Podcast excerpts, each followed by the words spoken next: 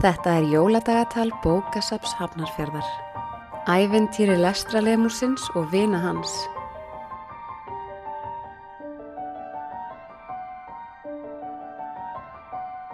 Vinirnir eru stattir hjá hreistibrautinu að Hamravöllum. Nú ætla ég að kenna ykkur stafin ykkar. Ú, ertu með töfrastafi? Þeir eru alltaf svo skemmtilegir. Nei, ekki töfrastafi, ykkar stafi. Já, svona jólastafi og brjósveikri. Mæja minn einmitt farin að kvarta smá. Og tunga mín eiginlega líka.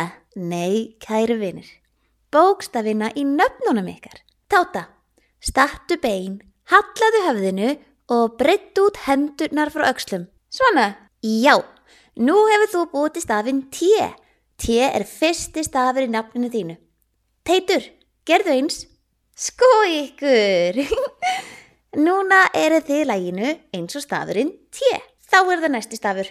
Á, táta. Farðu að vega salturu þarna og startu beint fyrir framann miðjun á því með fætuna í sundur. Svona, Já, innmitt svona. Kastaði húfunin upp í loft. Á!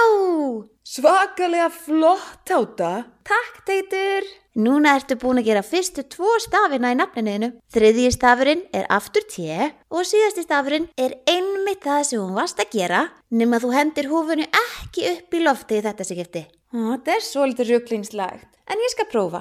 Má ég nú sjá. Tjé Á.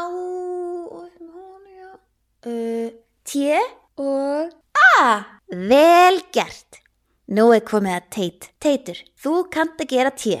Nú finnum við E. Hmm. Já, sestu hér undir jafnvægisláni og settu hendur beint út. Nú hefur þú myndað E. E, þá stendur bara beint með hendunar með fram síðum. Næst er að gera aftur T. Það kanntu vel. Hár rétt. U, leggstu á jörðina með hendur upp fyrir höfuð. Ímyndaði þér svo að það séu bönd föstu úrliðina og öklana þína og það séu tókað í þau. Sko, núna ertu í lægin eins og U. Uh, u er erfitt. Það er frekar erfitt í líkamannum, já, en það er tiltölu auðvelt á blaði.